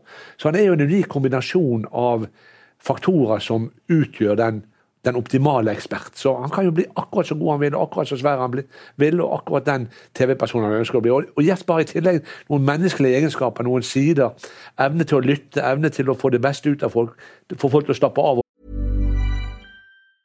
Hiring for your small business? If you're not looking for professionals on LinkedIn, you're looking in the wrong place. That's like looking for your car keys in a fish tank. LinkedIn helps you hire professionals you can't find anywhere else, even those who aren't actively searching for a new job but might be open to the perfect role. In a given month, over 70% of LinkedIn users don't even visit other leading job sites. So start looking in the right place. With LinkedIn, you can hire professionals like a professional. Post your free job on linkedin.com slash people today. Å by på seg sjøl, som gjør at han kan bli en norsk Lennart Hyland, eller hva han vil. Det kan Han bli. Han er jo bare 28 år og skulle jo spilt fotball. 29. 29. Er du 29? Jeg er blitt 29. Ja, Da nærmer du deg ferdig. Jeg gjør det. Jo da, men uansett, det, det Han har jo fått oppleve det på fotballbanen, og snart kommer han til cupfinalen. Så det Seriemestere var de 78 og 80. Det, det er liksom Men er det vanskelig å konkludere med at du på en måte aldri skal løpe ut i startakt igjen? Her, føler du at du har noe ugjort? Er det det som gjør at du driver med de her eh, bitte små prosent... Nei, altså jeg har jo jeg, har, jeg føler jeg har masse ugjort på fotballbanen. Det har jeg følt uh, siden jeg var 15-16. At jeg aldri har fått Gnager det på nei, det gnager, nei, altså jeg er heldig som har fått oppleve det jeg har fått oppleve på fotballbanen, og så er jeg heldig som har fått den muligheten i en bransje som på mange måter er mye av det samme, mm. og som jeg trives veldig godt i. Men det kan ikke sammenlignes med det å, å spille? Ingenting i verden kan sammenlignes med å vinne en fotballkamp eh, sammen med dine beste kamerater og stå i garderoben etterpå og skrike. Den følelsen får du aldri igjen. Men eh, det har ikke vært så mye av den følelsen i startgarderoben det siste året uansett. Så sånn sett så har det vært grei, en grei sesong å, å, å stått på utsida. Men, men, eh, en fotballkarriere er kort. Den har eh, risiko for skader. Jeg er såpass heldig nå at jeg har en kropp som jeg kan bevege meg rundt med. Jeg kan jogge, jeg kan trene normalt. og så tviler jeg jo selvfølgelig på at man kan spille fotball igjen på det høyeste nivå. Og, og da er jeg privilegert som har fått sjansen i TV-ruta. Og så eh, er selvfølgelig det en karriere som eh, man også har lyst til å se hvor langt man kan nå i. Og Hvis man da skulle bli borte fra TV-skjermen igjen, så er det ikke alltid så lett å komme seg tilbake. For da er det ofte noen andre som har tatt den posisjonen du hadde. Jeg spurte deg i stad, Davy, om du har sett Jesper spille fotball som som ung, det har du kanskje ikke gjort mye av, men hvordan fortalte Svein om, om Jesper det fotballtalentet han hadde? For han var jo eh, de, de, som har sett han eh, sier han var en ener av de, de sjeldne når han var yngre. Han har jo åpenbart noen, noen fysiske forutsetninger. Altså, selv om han da strakk seg og vokste veldig i en periode, og det hadde noen fysiske problemer, så var han jo en ener i sin årsklasse og blant sine jevnaldrende alltid. Og, og eh, Svein var jo aldri i tvil om at han ville nå langt. At han ville bli en, en, eh, en nasjonal ener og en fyr som spilte for Norge, og som Norge fikk glede av. Og at han ville ende i utlandet. Det var jo ikke noe alternativ for for Mattas generasjon, selv om han fikk de der, de der månedene i Burnien, så, så var jo ikke det noen karrierevei. Det var kameratskap, samhold. Du spilte med de du vokste opp med, og de som var klubben din. Og du, Jespers generasjon eh, kunne jo velge skal jeg droppe skolen og ta, satse mer på fotball. Altså Det var en reell alternativ karrierevei. Sant? Og det innebar penger og berømmelse og noe helt annet enn det som Matta og de hadde som, som uh, utgangspunkt da de spilte fotball. Så, så, fotballen har forandret seg veldig. Og far og sønn det er jo et veldig bra bilde på hvordan det har forandret seg. Mm. Og, og, jeg tror Matta så for seg et liv som agent for, for Jesper, at han skulle eh, leve godt på å selge sønnen til en storklubb ute. Og det, det hadde han vært potensial til. Altså Det hadde han forutsetninger for, fordi han var så mye bedre. Men det var jo denne slattersen, det der jumpers ni, eller Det var liksom stadig Men det ville gå over. Svein sa alltid det at det er en, en epoke eller en, en, periode, og så vil, eh, vil, ting ordne seg. Og når det er over, så vil Jesper være tilbake. For han var jo mye bedre enn sine jevnaldrende men måtte ta disse pausene. Altså, du var ute av det. Sant? Men du har jo spilt en haug med landskamper på aldersbestemte landslag opp igjen. sant? Ja da, jeg har det. Men uh, det ble allerede det det kunne blitt. Og sånn det har vi snakka om mange ganger. Det har vi snakket om mange ganger. Er du lei av å snakke om det? Jeg får liksom ikke gjort noe med det. Jeg, jeg, var, jeg var uh, Norges største talent i mitt kull. Spilte på det landslaget som var over, og spilte fast. Var spiss, dunka inn mål. Hadde det helt topp. Har hatt det helt topp i start. Ekstremt glad for å ha fått oppleve det. Og veldig takknemlig for det, den muligheten det har gitt meg videre i livet. Så jeg har ingenting å klage på. Jeg har hatt det helt aldeles nydelig. Skulle selvfølgelig ønske at man hadde fått oppleve enda mer, fått spilt enda flere kamper, sluppet alle disse skadene. For det å gå skader over lengre tid, det er en bagatell i den store sammenheng. Men når du spiller fotball, når det er det du vil, når du vil være klar til dommeren blåser i fløyta, så er det selvfølgelig ekstremt tungt psykisk over lang tid. Men hadde jeg ikke hatt disse kneskadene, så hadde jeg ikke hoppa med Davy i fallskjerm. Så hadde jeg ikke blitt med Davy til Kautokeino denne sommeren. Altså, Jeg hadde ikke fått oppleve disse tingene, så jeg hadde fått oppleve masse annet gøy. Og kommer til å oppleve masse gøy i tida som kommer. Det, det, det, du hører Jesper si nå, er jo akkurat det med perspektiv. Sant? hvis du graver deg ned og syns synd på deg sjøl fordi at du ikke eh, fikk det ut av eh, skuddbeinet som du hadde forutsetninger for, og fokusere på det negative ved det og alt du gikk glipp av Istedenfor å se alle mulighetene. Når, én dør slamres igjen, så åpner en annen seg. og Det er jo det, er det som er Jespers styrke, at han, har, at han vektlegger de positive tingene, mulighetene han har fått i stedet. Og det er ikke så ulikt det med direktesending. Det er ikke så forskjellig fra det, fra det å være giret for en uh, fotballkamp, vil jeg tro. Nei, det er ikke det. Det er, det er nok det nærmeste du kommer. Mm. Å kunne stå på direkten, snakke på direkten, være på TV på direkten. Uh, I tillegg til at man må forberede seg. Man vet at uh, når kameraet er i gang, så samme som at dommeren blåser i gang, nå må du være klar. Mm. Og så må du være klar helt til lyset slukkes eller dommeren blåser av. Og så er du sliten på en litt annen måte enn når du har spilt en kamp. Men det er det er jo det er Det er du har også et engasjement rundt en lidenskap rundt det. Sant? Du får tilbakemelding. Du er privilegert. Det å ha en jobb som så mange har så sterke meninger om, er jo i seg sjøl veldig stimulerende. Mm. Det, det, det, trigger noe i deg å vite at prestasjonen din blir lagt merke til, og det er sterke meninger om dine meninger. Og det i seg sjøl er jo en enorm uh, motivasjon. Så, så Jesper Er det en motivasjon vært, fortsatt hos deg som har vært med i så mange år? Det er jo skjerpende. Når du, når du har sittet der tusenvis av timer med direktesendt fjernsyn, og du vet alle fallgruvene som går på å trakke over grenser og si noe krenkende når det gjelder religion eller hudfarge eller utseende eller seksuell legning. Det er tusen fallgruver. Mm. Så det krever jo en bevissthet og en, en dannelse og en tilnærming til det som er seriøs og gjennomreflektert. Det, mm. det, det er tusen snubletråder i denne bransjen. her. Er du, er du sånn at du forbereder deg godt før hver sending, eller går det mest på rutine for det nå? Ja, Du forbereder deg på det aktuelle. Du forbereder deg på alle eventualiteter. for Du vet jo aldri hvem det er som blir liggende der, og det er tre minutters pause. Mm. Da må du vite noe om han som ligger der. Mm. Så du, du, forbereder deg, og får jo nesten ikke brukt noe av det du forberedte deg på. Men, men, men er det mer tankevirksomhet ja, det, ja det, men det handler om total kompetanse. Det å ha oversikt og kontroll, følge lidenskapelig med. Og der har gamblere, de som har brukt penger på dette, har noen fortrinn. Fordi at du husker mye bedre. Du husker de utligningene på overtid som kostet deg penger. Du husker alle de meningsløse eh, hjemmetapene. Du husker eh, helt intuitivt ting som, som du har forberedt deg på, vurdert, tatt sjansen på, investert penger i og brent deg på. Det husker du mye bedre. Så, så gamblere, Morten Langli og, og, og, Jesper, er de flinkeste til å huske og til å assosiere og ha en, en bank av inntrykk der du har tusen assosiasjoner. Når ting skjer, så vet du intuitivt at det har skjedd før. Noe tilsvarende skjedde der og der. Og Det kan være tyrkisk andredivisjon, men det er i hvert fall en del av fellesarven. Mm. Og der har, uh, er, har, er, du en gambler, du òg? Ja, ikke i sånn skala som at jeg måtte legge tusenlapper under madrassen, sånn som Jesper drev med. Men jeg syns jo det, det, er en ekstra, et ekstra, en ekstra spenningsdimensjon med runden når du har satset penger på det. Men når du treffer på én av åtte Obos-seriekamper, da tenker du at nå, dette, nå er det nok. Dette, det holder nå. Det holder nå, ja da. Og i går så var jeg da et mål fra den store gevinsten. Jeg spiller U av og til i håndball, så så i går ødela jentene fra Vipers for meg, for jeg hadde en U på Byåsen. Tenkte de kunne slå det et ekstraomganger. Men akkurat det vi sier med å jobbe på TV, det tror jeg jo, eller det vet jeg jo er fallgruva til mange av de som også begynner der. Som f.eks. kommer rett fra en idrettskarriere, som tror at det er bare å hoppe inn i studio, mm. og that's it.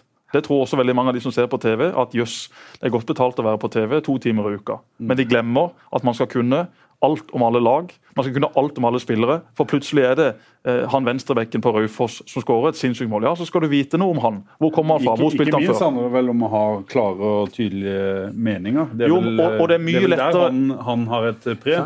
Ja, da, og, det er mye lettere å mene ting hvis du har kunnskapen ja, ja. i bånn. Jeg kunne ikke vært den jeg er på TV. Men det er også mange som ikke tør å mene noe. Jo, selvfølgelig, men det er også fordi at de ofte er redd for at jøss, her har jeg ikke jeg har ikke den ballasten. Her, her, kan jeg få avslørt at jeg ikke har fulgt godt nok med i timen.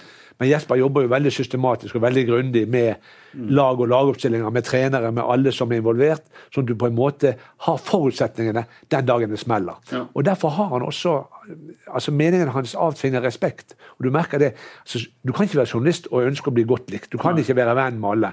Men respektert. Det, det, er en målsetting, å bli ja. respektert.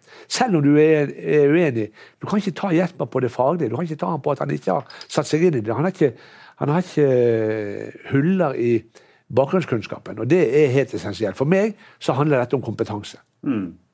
Du snakker om fallgruver i stad. Er det noen sånn i løpet av din karriere som du husker med, med gru? Det er sikkert mange av seerne som husker ting, men, eh, men eh, jeg, og, jeg, og, jeg, slår meg ikke for brystet og sier at jeg har vært der i tusenvis av timer uten å krenke noen og uten å såre noen.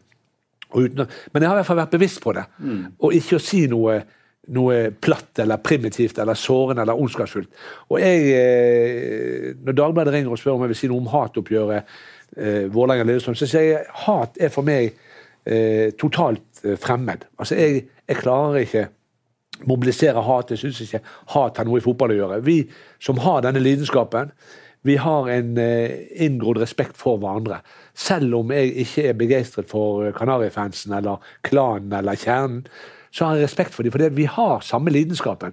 Det er bare det at mitt hjerte er rødt, og deres er svart-hvitt eller gul-svart. Mm. Og, og, jeg må si jeg, når, når, Selv om ikke jeg har noe hjerte i Start eller hjerte i Viking, så har jeg vondt av Start når de rykker ned. For jeg vet at mennesker jeg er glad i og som betyr noe for meg, har det helt forferdelig. Og Det samme var det med, med Viking i 2006, da Brann uansett hadde mistet gullet så følte jeg lettelse fordi at jeg kjenner Bjørn Ekeland og kjenner mange eh, i, i Stavanger og har venner i, i vikinghordene som eh, på en måte fortjente at laget deres ble værende i Og jeg vet hvor vondt det gjør å rykke ned. Jeg vet hva det gjør med deg å skulle stå på sidelinjen og, og, og, sende laget ditt til, til Jessheim og, og Ulsteinvik og, Levanger. Det er, ikke, det er, ikke, det samme. Hva tenker du om Starts uh, sesong uh, neste år? De vil få det nesten like brutalt som Brann hadde det i fjor. Og Brann tok ett poeng mot Ness Sotra. Det sier alt. Ett poeng mot Ness Sotra. Brann hadde tre altså de hadde, Det var tre lag i Bergen som, som, var naboer, sånn som det vil være med, med Jerv og, og, og Start Arendal. Og, og Brann spiller altså 2-2 hjemme mot, mot Ness Sotra mm. på 16. mai, for full for full stadion. Det sier noe om hvor presset ligger, og utfordringene og vanskelighetene Start står overfor. Du kan vel De garantere at, at Start får Arendal eller Jerv 16. mai på Kristiansandstorget. Og, det, og det vet du at, at de har alt å tape. De har alt å tape. De andre spiller totalt uten press, og hver takling, hver pasning som treffer, er en triumf for, for spillere fra Arendal. Og på toppen med to ekstrenere. eks-trenere. Med, med, eh, eh, tidligere, Det er greit, den Brann-historien er jo et eksempel, men en finner jo også masse eksempler på lag som store lag som Start, som har gått ned og så har fått en grei sesong Ja og så rykka rett opp igjen. Ja. For en hadde vel en historie også med, med treneren i fjor som, som ikke passa, og som måtte vekk før en uh, fikk Ja, ja, ordna. men, men du vet Du vet altså, Det er så mye psykologi i dette her. Og du vet, de andre lagene vil jo Tenk på Florø å få Start på besøk. Tenk på Florø, som aldri har vært på nivå to, å få besøk av Start. Et lag de bare har sett på fjernsynet. Så de spiller mot deres egne gutter. Brødrene Aase fra, fra Florø, som har drevet med et lokal sånn der, eh, sånn lokal Steinar Skeie-variant der oppe, med sin egen fotball, sine egne ideer. Så får de Start på besøk. Tenk på det! Tenk på det, hva det gjør med det samfunnet ytterst i havgapet der. Vanvittig flott og vakker by. Men de, de har jo aldri vært på dette nivået. Så får de et tippeligalag. En tidligere seriemester. En europaklubb. De har spilt mot Paul Breitner. Og så kommer de til Florø. Tenk på det! Så har vi jo snakka om før og Sandnes Ulf, som eh, satser godt Fredrikstad, som kanskje har noe på gang. Mjøndalen, som, som har vært oppe og lukta på det. Det blir en tøff eh, divisjon eh, neste år. Det blir knalltøft. Det kommer ikke til å være enkelt å rykke opp fra den uh, divisjonen. I tillegg så kommer det ned eh, ett tippeligalag til minst, muligens uh, to. Og det er klart at uh, Hvis dette blir uh, f.eks. Lillestrøm, så er det en klubb som vil være klare mesterfavoritter i en uh, Obos-liga. Og så er det en seks-syv lag bak der. Der Start også vil være, som kommer til å kjempe om direkte opprykk og disse kvalikplassene. Så det kommer til å bli et uh, lurveleven annen sesong som Davy sa i stad, han traff på 1-8 kamper i Obos-ligarunde. og Sånn er jo denne ligaen. Her slår alle alle. Her kan det skje de merkeligste ting. Og eh, For sørlandsfotballen så kan jo dette være et eventyr. Dette kan jo være det som kickstarter engasjementet. Vi skal ikke bruke hat, men at det er rivalisering mellom disse byene, det er jo soleklart. Og Det må man jo fyre så godt godt opp under man kan. Ikke være så feige, ikke prøve å være så himla gode venner. Vi må ikke være redde for å slenge litt meldinger fra øst til vest og fra vest til øst. Det er med på å skape interesse, det er med på å skape blest. Jeg håper at de som er fremtredende i alle disse tre klubbene, tar eh, og bare Skal du ta din del av den jobben? jeg skal love at jeg skal ta min del. Det, det er det ingen som trenger å være redd for. Jeg skal, jeg skal snakke opp uh, dette så godt jeg overhodet kan, i alle slags kanaler neste sesong. Jeg gleder meg allerede. Det kommer til å bli uhyre interessant, og det trenger vi.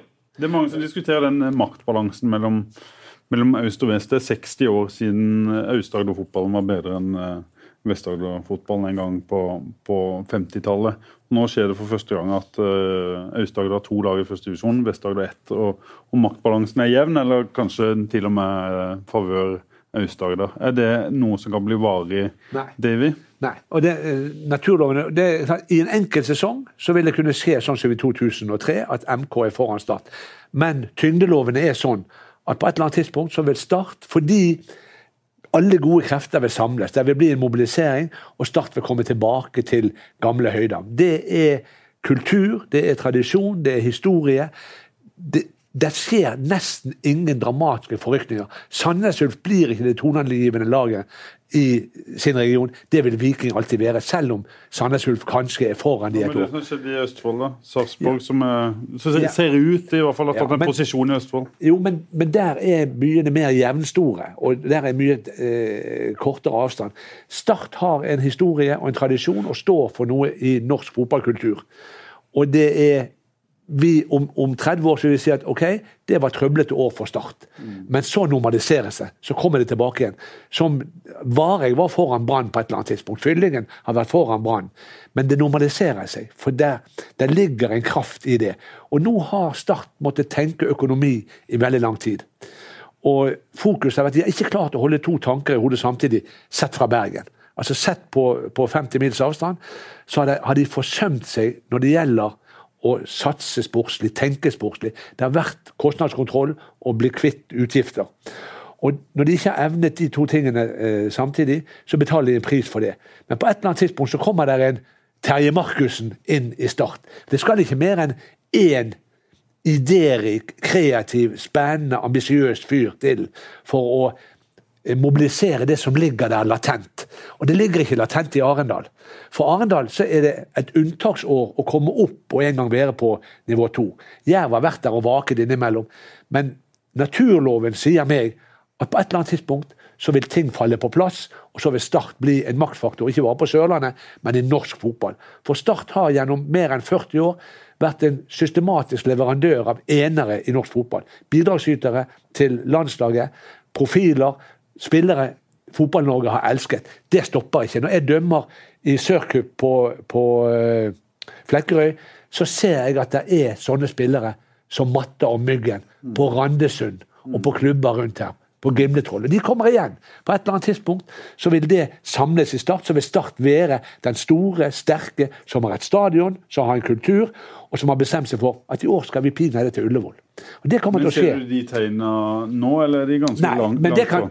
Hvis Jesper blir sportsdirektør, da, og hvis han får med seg eh, Terje Markussen som markedssjef. Det, det skal ikke mer til. Plutselig så blomstrer de. så Plutselig så strutter de av selvtillit. Strutt, strutter av ambisjoner, av, av vilje, av kunnskap. Dette er jo et kompetansespill. Det er mer komplekst kompetansespill. I gamle dager var det om å gjøre å trene de lokale guttene så bra som mulig. Og det kunne Kjell Skau Andreassen gjøre i Stavanger, og så ble Kvia og Valen seriemester fem ganger. I dag så handler det om spillelogistikk. Du må kjøpe Clarence Goodson og Bolanjos, og så må du selge de i rett tid og erstatte de. Der er Haugesund og Sogndal flinkere enn Start i øyeblikket. Men da må kanskje Start kjøpe de folkene som kan tilføre den kompetansen. Sånn at ikke Magne Kristiansens eh, kronetelling blir det eneste som foregår på Sør Arena.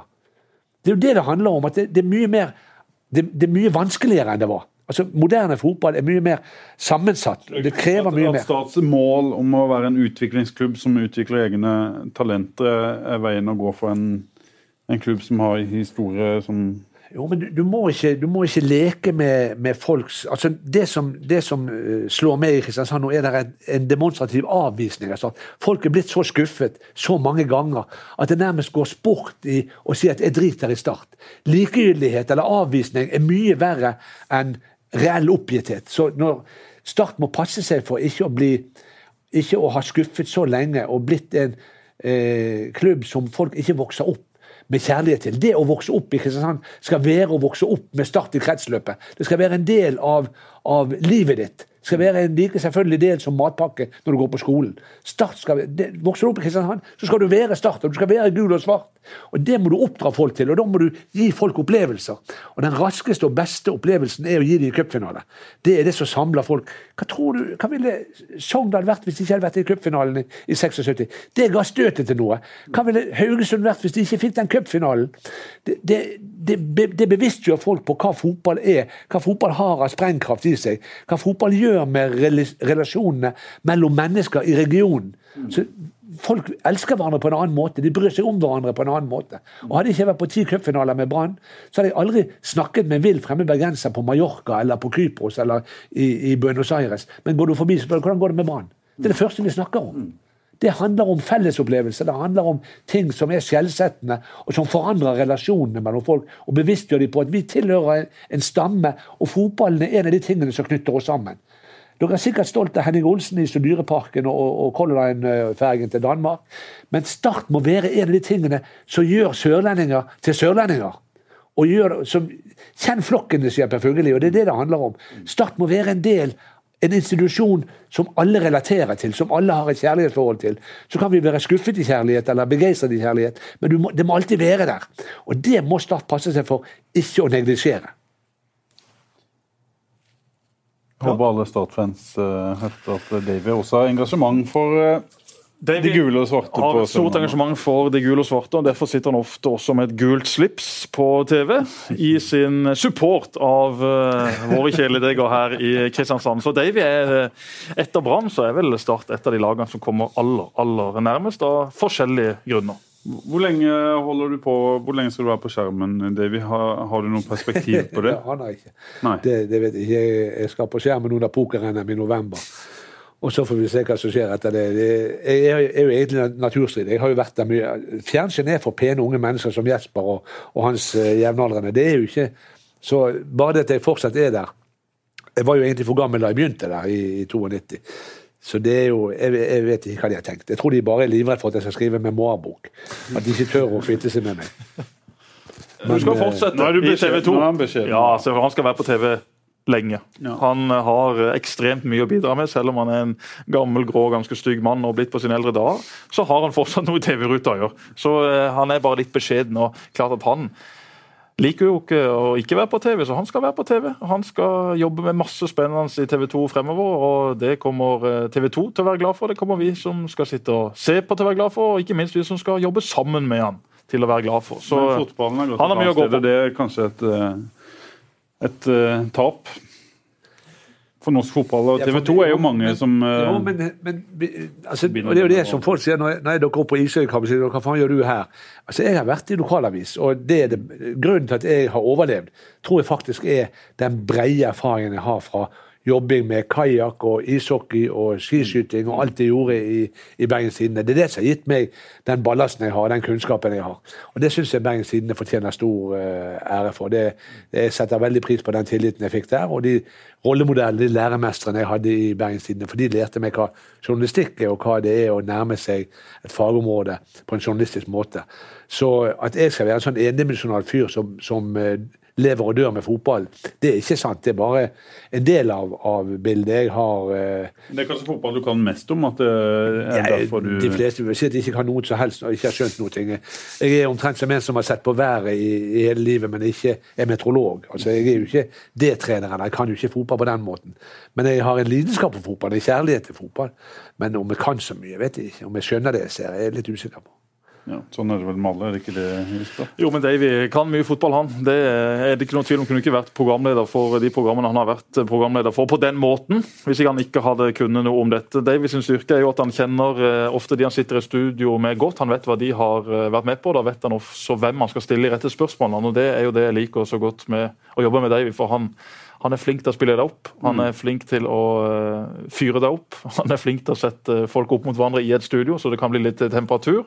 Så eh, for meg så er jo han eh, en programleder. F.eks. i et program som Fotballekstra fotballkveld, som jeg bare elsker å sitte sammen med. Og det Første gang jeg var der, så var det vel meg og Davy, Ole Martin, din som, som satt i det studioet. klart at Folk spurte ja, var du ikke nervøs. Så sier jeg nervøs? Sitte med disse klovnene her, det er som å sitte hjemme i stua og prate. Det er jo verdens minste ting å være redd for. Det var bare eh, god stemning, og det har jo veldig mye å si at da han som skal lede dette, som har vært med på dette i hundrevis av år, faktisk eh, har den eh, tilliten til det og gir det den tryggheten man trenger. Så en ekstremt populær mann ute blant folk. Det, det er kanskje Jeg vet ikke om du får høre det direkte, Davy, ofte at uh, du er Altså, Vi var i Finnmark tidligere i år. Og det er klart, Davy og Drillo kom til Kautokeino. Altså, Snakk om at uh, Florø blir happy for å ta imot tippeligalaget Start neste sesong. Men Finnmark fikk besøk av Davy og Drillo! Altså, det er klart, De blir tatt imot som helter der oppe. Drillo satt og snakka om spissen til Kautokeino på TV. Og spissen, hva het han? Vi spilte jo om på Bodsen at han skulle skåre mål. Han, han Toppskåreren til Kautokeino. Han var slakter. Han, ja, han kom på Ja, han var slakter. Han kom på puben etterpå, og da hadde han vært hjemme etter kampen og sett opptaket. Og han, han kom med armene over hodet inn, gikk forbi køen eh, inn på puben der. Så kom han sånn, Nippa. Nippa. Nippa. Og så eh, sa han Nå hadde jeg vært hjemme og sett kampen på TV. Tidenes norske fotballtrener snakket om mine ferdigheter inne i boksen, sa han. Og så rant tårene. Tenk sånn, her, her snakker altså en legende av en norsk landslagstrener. Snakker om meg, sa han. Så tårene bare rant i strie strømmer. Han var så grepet. Det var så svært. Og det he- møtet med den, den befolkningen der, og med de ekte, ærlige, direkte, helt ufiltrerte meningene og holdningene i samfunnet, var fantastisk. Og det er jo Jesper også har den der inngrodde eh, respekten for andre mennesker. Lyttende, observerende. Ta de på alvor. Jeg var med Bruce Grobelar i Sør-Afrika. Vi var eh, i Soveto, som var da egentlig som, Det var som Voiebyen. Det var ikke noe eh, Det var, det var eh, velordnet med, med, med vei, vann og kloakk. Nei, men det var, det var liksom du tenker, Vi hadde sånn skrekkbilde av Soveto. Det var ikke det i det hele tatt. Det var en velordnet eh, drabantby. Men vi dro til noe som het Alexandria, som ikke var velordnet i det hele tatt. Som var tusen ganger verre. Og vi fikk vi ble æreskjelt av sikkerhetsselskapet. Vi var jo på kurs med bevæpnede vakter. Vi fikk beskjed om å ringe til de hver gang vi skulle et sted, før VM begynte.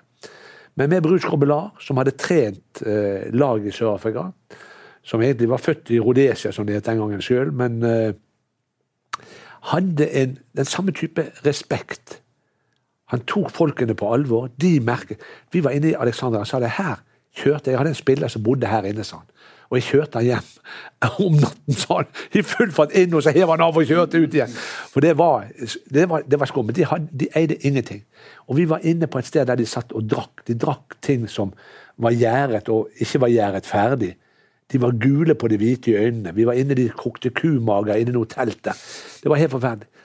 Men, men han beviste for meg at superstjernen fra Liverpool, sant? som har vunnet eh, 14 titler på 13 sesonger Han behandlet folk med respekt, og ble møtt med respekt. Altså, jeg tror nøkkelen, Hvis du blir arrogant, hvis du blir nedlatende, hvis du tror du er stjerne, hvis du tror du er Guds forlengede arm på jorden Men hvis du er lyttende, respektfull, undrende, og viser dem at vi kommer her til Kautokeino for å høre hva dere har, hva dere står for, hva dere driver med og der er Jesper helt enestående.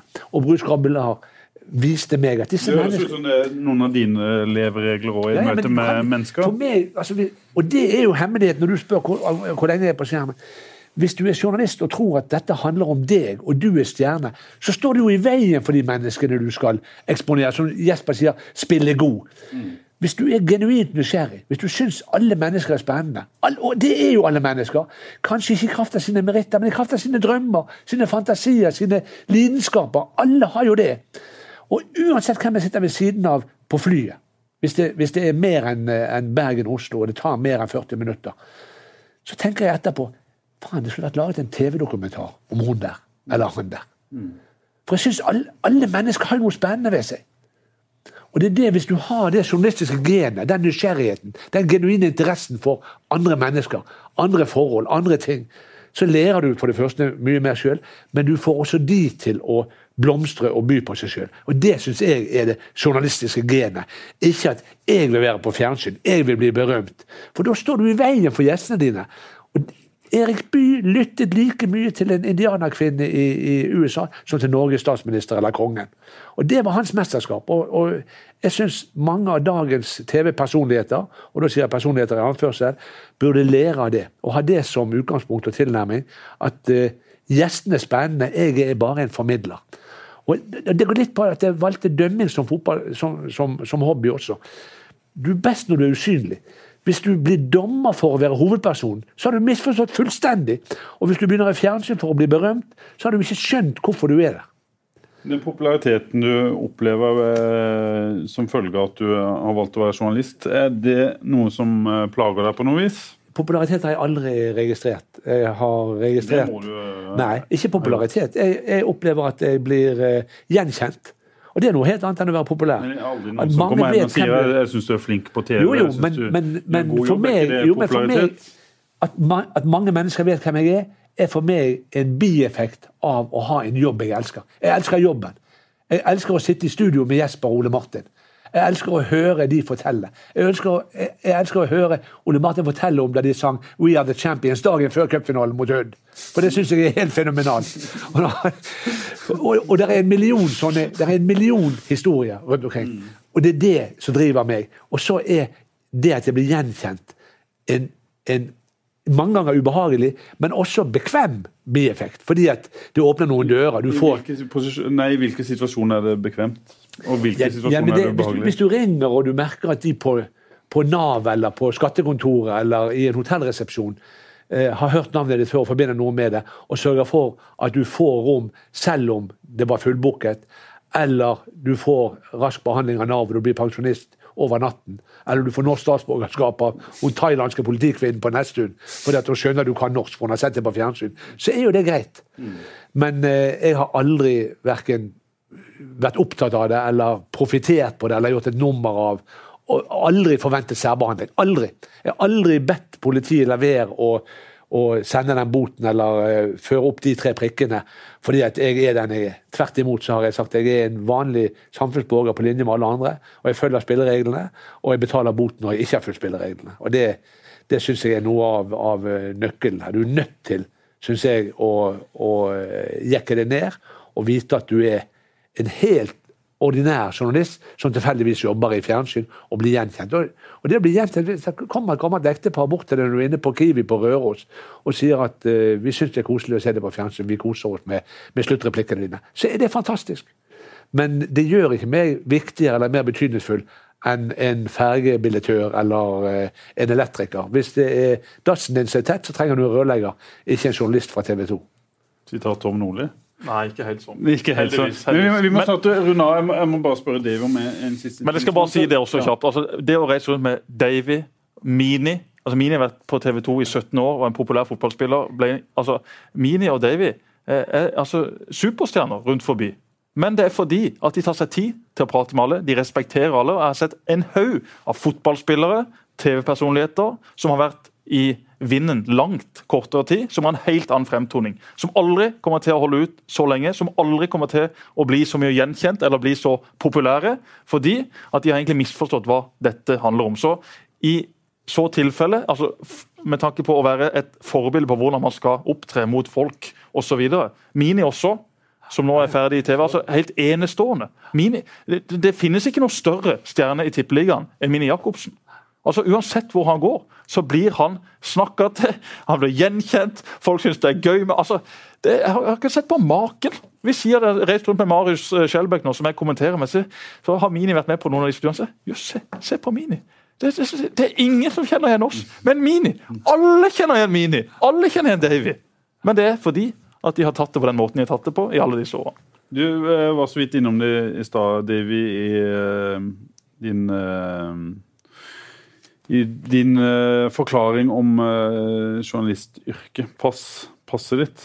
Jeg leste i stad et sted, uh, bare var inne og, og googla navnet ditt, at du ikke lenger vil ha amerikansk Nei, pass. 18. mai klokken 12 var jeg på nesten politikammer og spurte om å bli norsk. Og da hadde jeg sett nok av Donald Trump til å tenke at det der folket der har jeg ingenting til felles med. Nå må jeg ta konsekvensen av at jeg har vokst opp i Norge. Jeg har eh, norsk mor, jeg har fått en norsk stefar, jeg har tre norske yngre søsken.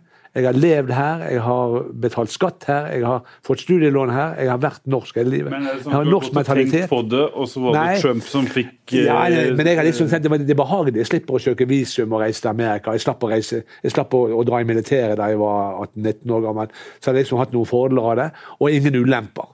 Jeg, har, jeg, kan ikke, ja, og jeg, jeg kan ikke stemme ved stortingsvalg. Det er den eneste praktiske betydningen. Ellers har jeg blitt behandlet som en, som en nordmann. Men jeg er norsk av legning, jeg er norsk av mentalitet. Jeg er norsk i min eh, politiske tilnærming. Og, og eh, det var bevisstgjørende for meg at jeg kan ikke være det var, gøy, det var gøy å være amerikaner under sommer-OL og sånn, og, og slå meg for brystet når de er mestvinnende, og så være norsk under vinter-OL. Men eh, det handler om ærlighet, og, og det handler om å ta konsekvensen av at eh, det er en for stor avstand mellom det norske samfunnet og det amerikanske samfunnet. Jeg har aldri brydd meg om Amerika eller mitt opphav der. Jeg har aldri hatt noen kontakt med min far eller hans eh, Eller jeg har hatt det i forbindelse med at han døde, med enken hans og med de eh, barna som han fikk med henne etter han var skilt fra min mor. Men jeg det har aldri vært en del av min virkelighet. Det var noe jeg måtte orienteres om som voksen, og som jeg eh, på en måte aldri har eh, følt var meg. Så jeg har hatt et komplett og fullstendig og meningsfylt og deilig liv i, i Norge med en praktfull far som betydde alt for meg, og som har lært meg alt jeg bruker fritiden min på fisk. Og han som tok meg med på juniorfinalen mot uh, Skeida. da jeg så Kniksen for første gangen. Så han har jeg alt å takke for. Så, så min kjødelige far, mitt opphav, har egentlig aldri betydd noe for meg. Og det ville vært respektløst overfor Karl Vatne å vise Lester Huey oppmerksomhet. Så jeg takket nei til arven fra Lester da hans enke Hazel ringte og sa at han ville etterlate meg noen penger. Så sa jeg men jeg har jo aldri brydd meg om han. Og, og det ene brevet jeg sendte i gymnastiden som viste at mannen var sydstatsmann og hadde et syn på, på svarte som jeg syntes var helt uh, utrolig. Jeg måtte spørre min mor hvordan hun kunne gifte seg med den mannen. Så sa han han var en praktfull mann, men han var sydstatsmann, sa hun. Så, så det var sånn det var. Ja, så, så, men eh, jeg har på en måte bare latt det være sånn. og jeg har Det ikke hatt skjedde, noe... skjedde noe Var det et eh, det var Trump. tidspunkt? Det, ja, det, det var rett og slett eh, Jeg tenkte, er, er det mulig? Er, er det, har de et politisk system der en pøbel, en oppkomling, en primitiv og, og stupid, fordomsfull fyr som Donald Trump, fordi han har masse penger, faktisk kan bli leder av verdens mektigste nasjon? Det er så sjukt at han, at han er den han er. Sånne utvekster er det også i det norske samfunnet. Men at han blir presidentkandidat og ha har titalls millioner tilhengere, det er så opprørende og så sjokkerende. Den stupiditeten, den, den den bøllete den, altså Jeg har sett de tre debattene på, på fjernsyn, og jeg syns det er så, så nedslående og så opprørende at uh, en sånn fyr kan være så nær Det hvite hus at eh, jeg tenkte da Det der får jeg bare komme meg ut av. Så jeg har søkt, men jeg får månedlige mailer om at saken er til behandling. Og jeg har dokumentert norskferdigheter. Jeg la frem først folkeskolevitnemålet, så aktivitetsvitnemålet, og så norsk mellomfag, laudabelt sådant, for denne eh, thaikvinnen som var Det hjelper politi. ikke til Davy Vatne når Nei, de skal nei da, hun sa jeg er litt usikker på det, sa hun, om dette her er godt nok. Så, men, men hva er dette, sa hun da jeg la frem det der eh, fra Universitetet i Bergen, fra norsk mellomfag. Så, så sa hun at eh, nei, jeg skal ta det med, så hun tok kopi av listen og skulle undersøke om det var godt nok. Du sender sende deg en video fra Fotballekstra i tillegg. Ja, nei, det, jeg vet ikke. Det, nei, jeg blir nok sikkert norsk, men jeg hadde jo avtale med fylkesmann Lars Leiro i 1969 fordi jeg da var ikke innkalt til militæret, men jeg var registrert. For det måtte jeg gjøre da jeg var 18 år og valgte å forbli amerikansk. Så måtte jeg registrere meg i styrken og fikk da A1.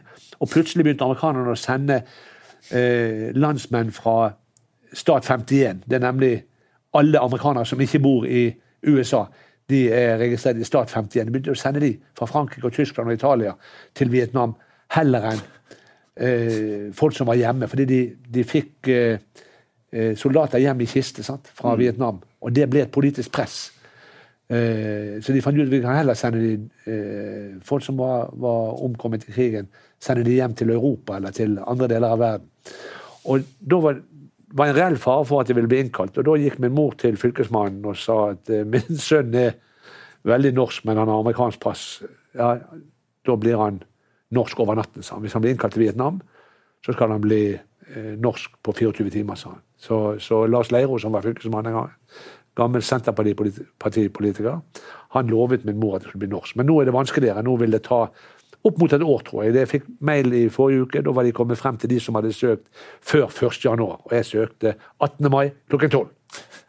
Få en ny landsmann. eh, Ja, det blir godt. Det blir godt.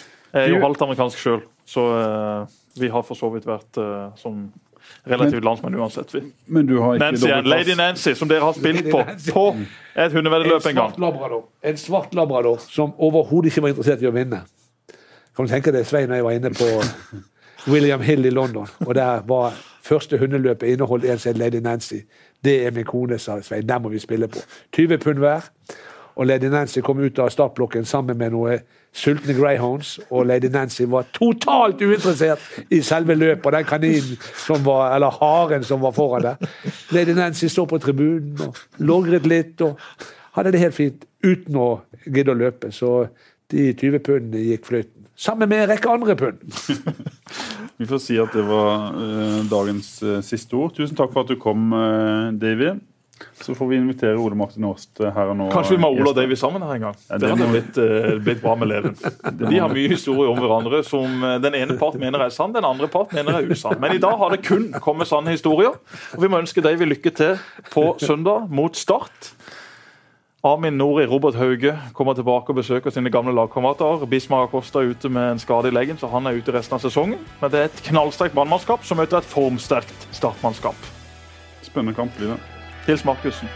Programmet ble sponset av byens Skoda-forhandler G-Bill.